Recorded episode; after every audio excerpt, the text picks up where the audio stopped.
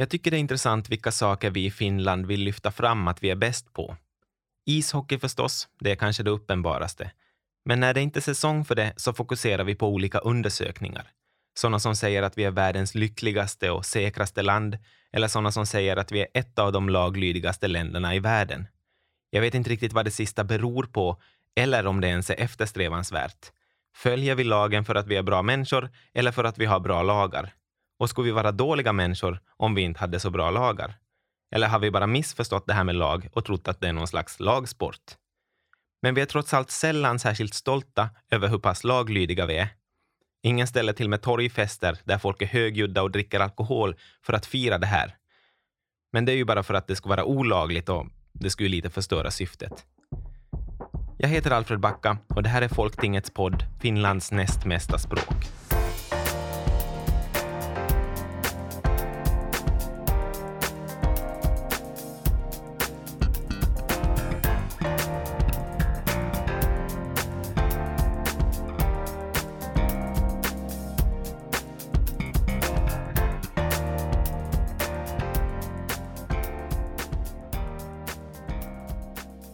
Som nordbor tycker vi om att peka på vårt sunda förnuft. Men det sunda förnuftet gör också att vi är förnuftiga nog att veta att det behövs lagar. Så då har vi gärna en lag att peka på om vi behöver få rätt i en fråga. Om någonting någonsin ska bli av i det här landet så behövs det lagar. Och en lagstiftning som vi finlandssvenskar gärna pekar på är den som är den absolut viktigaste för vårt talade språk, nämligen språklagstiftningen. Den stiftades väldigt tidigt i vårt lands historia, år 1922, ungefär samtidigt som ordet finlandssvensk etablerades. Innan dess var vi finlänningar eller bara finnar. En del krafter i landet ville se till att Finland skulle vara finskt och svenskan skulle på sin höjd få vara ett minoritetsspråk. Därför ansågs det viktigt att få en lag som sa att Finland skulle ha två nationalspråk, finska och svenska. Språklagstiftningen såg likadan ut väldigt länge, men i början av 2000-talet förnyades den. Vi låter Folktingets ordförande och riksdagsledamoten Sandra Bergqvist berätta mera. Vår språklagstiftning ger oss ehm, många rättigheter, specifierar dem kanske på, på ett sätt um, som gör att också vi som har ett annat modersmål, i det här fallet då svenska, eh, att vi ska kunna få samma service som det finskspråkiga. Eh, och den här lagstiftningen är, är väldigt eh, viktig och, och, den är också unik. För jag skulle säga att i Finland, vår lag, språklagstiftning i Finland så kanske hör till en av de bästa i världen. Um, och, och, det ger oss väldigt uh, jämlika rättigheter med majoritetsbefolkningen. Och det är det som den här språklagstiftningen handlar om. Det handlar ju inte om att det ska ges några eh, bonusrättigheter eller särrättigheter utan att, att det ska garanteras att, att uh, de svenskspråkiga får samma uh, rättigheter och service som, som majoriteten som oftast är finskspråkig. Nu vet jag inte om det är en tävling, men visst känns det fint att kanske ha världens bästa språklagstiftning. Men en sån kommer ju inte till av sig själv. Vi ska ta och prata med tidigare folktingsordförande Henrik Lax, som på 90-talet var med när grundstenarna lades. Vi levde i en mycket speciell omvandlingsperiod. Sovjetunionen hade brutit samman. Finland började orientera sig och söka sin plats Eh, bland demokratierna i Västeuropa. Det var en stor omvälvning på gång. Och det här det var på det sättet att under så länge Sovjetunionen fanns och hotet därifrån var permanent så var det uppenbart för alla och envar i det här landet att det svenska språket och den svenska befolkningen hade en nationell uppgift i att hålla banden levande till Sverige och den fria västvärlden. Men i och med Sovjetunionens sammanbrott så upphörde denna naturnödvändighet att existera. Det fanns fortfarande mycket stor sympati, upplevde jag, bland den finska befolkningen. Men så kom det, kom det då nya tider. Man insåg att eh, en inte, europeisk integration kommer att ställa större krav på flerspråkighet och, och sen fanns det då eh, folk som ville skära pipor i vassen Finskhetsförbundet gick i, i bräschen för en, en, en mycket aggressiv kampanj mot svenskan där man framförallt ville, ville det där avskaffa den obligatoriska svenskundervisningen. Att avskaffa den obligatoriska skolsvenskan är ju någonting som finskhetsgivrare har kämpat med i väldigt många år utan att det har gett några tydliga resultat. Det var dock inte den enda faktorn som arbetar mot svenskan. Och det är en långvarig trend som ju då slog igenom här hos oss för fullt var ju det där engelskans oöverträffade ställning som världsspråk, som ju eh, bidrog till att tränga undan först svenskan och idag är man ju också orolig för finskan. Eh, många professorer var nog redan oroliga för 30 år sedan men att det där, nu börjar man allmänt också inse att, att det där engelskan är ett hot mot eh, alla småspråk. Så att svenskan kom i le. Den svenska befolkningen blev osynligare för den, den finska befolkningen och jag skulle säga att en viktig faktor i det här var helt enkelt min övertygelse om att det finns en latent eh, välvilja hos den finska befolkningen gentemot det svenska och gentemot ett tvåspråkigt Finland. Men den tar sig inga synliga uttryck. Och vi vet hur viktiga synliga uttryck är för det svenska språket. Om en finlandssvensk pratar svenska i skogen och ingen hör det, är det då ett viktigt nationalspråk?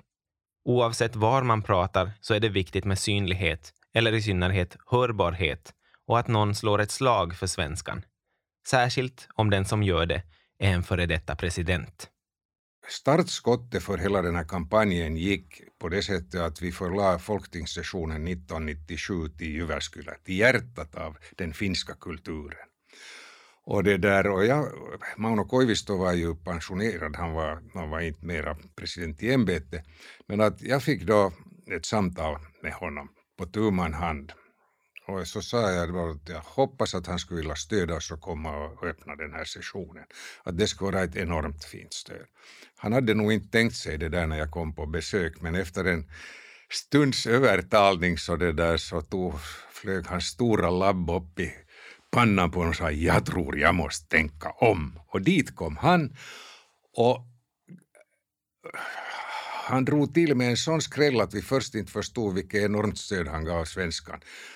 För att han då, anno 1997, så efterlyste han ett mycket nära militärt samarbete med Sverige. Och i, i sanning, det är ju faktiskt liksom, man kan ju inte eh, motivera bättre ett behov för svenskan i Finland än att man ska kunna försvara sig tillsammans med Sverige. Och det här har kanske nog också bidragit till att sannfinländarna idag i, i, de har insett att det lönar sig inte att köra det här spåret när deras egen försvarsminister i förra regeringen gjorde allt för att utveckla det militära samarbetet med Sverige. Åren gick och snart började en ny språklagstiftning att utforma sig.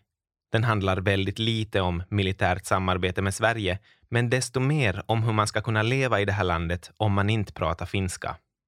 No, för det första så var den då, eh, det var en, en moderniserad och en, en, flexiblare lagstiftning på sätt och vis. Den, den var mera så att säga situationsinriktad där man kunde klart och tydligt säga i vilka, vilka sammanhang eh, myndigheterna har ett ansvar och, och framförallt så förpliktar den myndigheterna att odla vårt tvåspråkiga kulturella arv. Det ska synliggöras och, och det ska fungera. Och, och sen rent praktiskt så kan man säga, jag tycker att man kan ta som en symbol för det här Skatteverket som ju det där fungerar alldeles extremt fint på båda språken. Och, och, det, där, och det fungerar vid, vid, andra myndigheter också tämligen bra, men jag tycker att, att skattemyndigheterna är ett sånt här äh, sol, eh, ett solskensexempel på, på, som har sin grund i det här. Men att man kan ju också säga att, att det där, speciellt det här den europeiska integrationen Finland skrev under, anslöt sig till Europarådets, den här människorätts, europeiska människorättskonventionen och sen ännu den minoritetsspråkstadgan. Så att Finland band upp sig till att, att det där ta sig an vårt språkliga kulturella arv. Men, men det där, framförallt detta att det är myndigheten som självmant ska erbjuda service och inte, eh, inte medborgarna som ska vara tvungen att, att, att be om det eller kräva det det, det var utgångspunkten och sen en, en, en viktig nyhet i det hela som egentligen den tycks inte leva särskilt väl bland folks medvetande. Och det är det att det är myndigheten, det är inte den enskilda eh, tjänstemannen som ansvarar för det här. Och det betyder att myndigheten kan or organisera sitt arbete så att på vissa, i, i vissa funktioner behövs det en perfekt svenska och i andra behövs det inte. Så att man kan på det här sättet, eh, man behöver inte slaviskt följa de formella språkkraven. Åtminstone i vissa myndigheter så har, jag nog märkt att det fungerar men att det där, jag har ju inte följt med nu sakerna sen det här var ändå, det är 15 år sedan det här körde igång. Plus naturligtvis att det inrättades en, en uppföljningsmekanism som inte fanns tidigare. Varje riksdag ska få en, en uppföljningsrapport och och det inrättades en tjänst med en språkrättsombudsman, tror jag det heter, vid justitieministeriet. Men, men i sak var det en fråga om att förtydliga, klargöra. Det var inte en fråga om att eh, att det där skapa nya rättigheter utan det var fråga om att, att få rättigheterna att fungera. Så det är den språklagstiftningen vi sitter med idag. Och den är viktig. Men precis som många andra lagar så är det inte någonting som vi behöver tänka på från dag till dag. Jag tror att den vanliga människan inte funderar så jättemycket på det, utan när man behöver en service så tänker man att det ska vara ganska naturligt. Man tänker inte på att, att står det i språklagen eller hur är det? Utan man tänker att, att mina barn behöver dagis eller skola eller jag själv behöver sjukvård eller min eh, mamma behöver åldringsvård. Så, så tänker man att det ska vara en självklar sak egentligen. Och, och det är just det här som vi vill uppnå, att det ska vara självklart.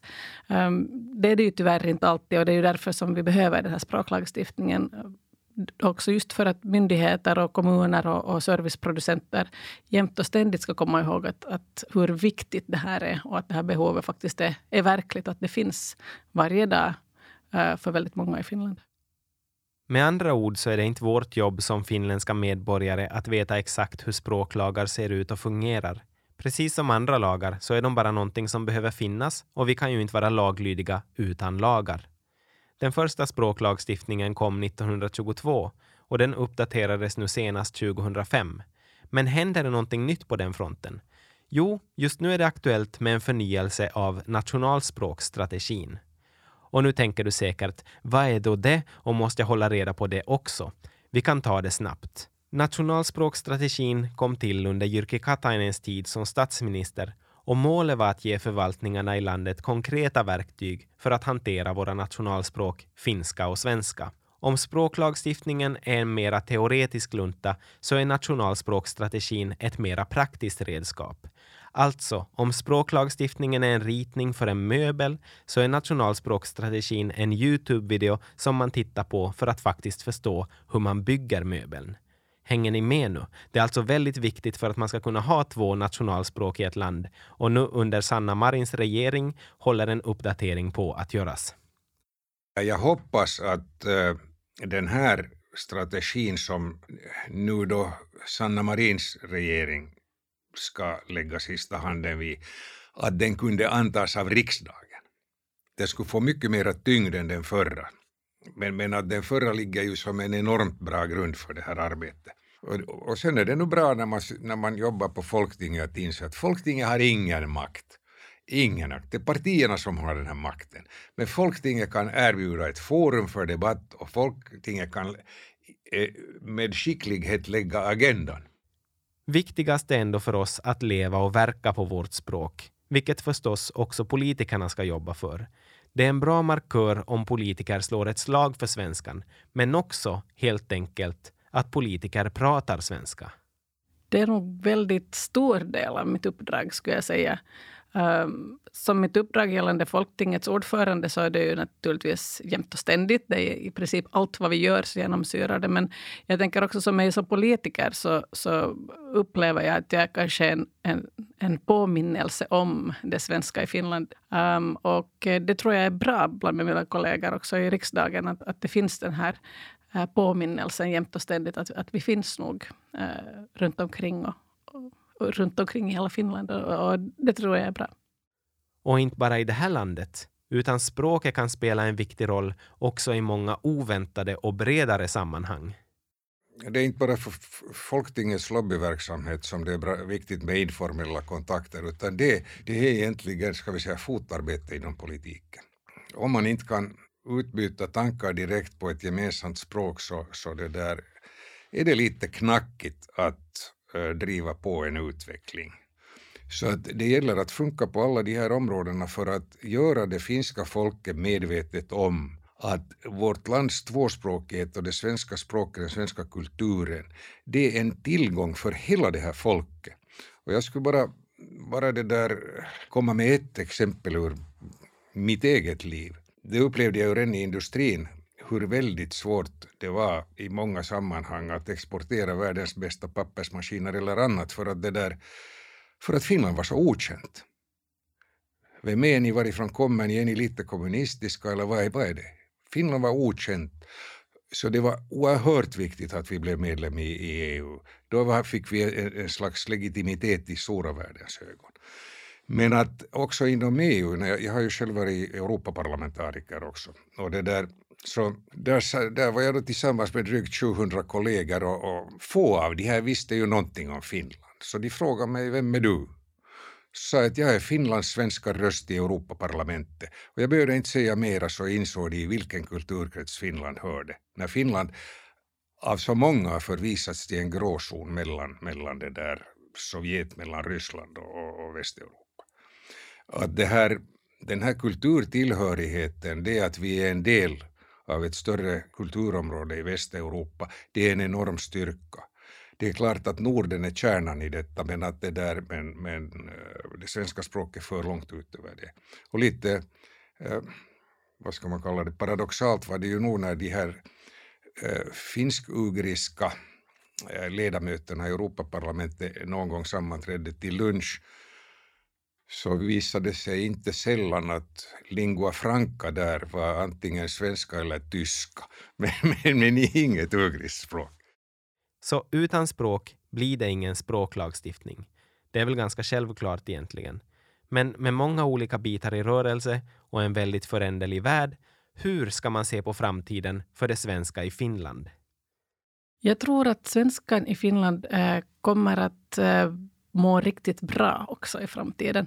Jag tror att vi bara behöver tänka på saker och ting, kanske lite nya banor. Och den här corona-erfarenheten eh, som vi hittills har så, så har ju nog också gett en bra grogrund för hur man kan utveckla saker och ting digitalt. Och jag tror starkt på det att, att vi kan förbättra de språkliga rättigheterna med hjälp av digitalisering och, och andra liknande verktyg. Så att jag tror att, att vi kommer att se uh, olika serviceformer gå över till ett lite annat skede. Och jag tror att på det sättet kommer vi också att kunna nå ut med de här servicen till allt fler människor. Så att jag tror att eh, för svenskan i Finland så, så är digitaliseringen viktig. Men eh, naturligtvis handlar det så mycket om, om människa till människa också i framtiden. Och, och här är ju Folktingets uppdrag att ständigt påminna eh, myndigheter och kommuner runt om i Finland om hur viktigt det här är och, och språklagstiftningens innebörd. Det här var Finlands näst mesta språk. Jag heter Alfred Backa och i podden hördes också Folktingets nuvarande ordförande Sandra Bergqvist och tidigare ordförande Henrik Lax. Serien produceras av Parad Media för Folktinget.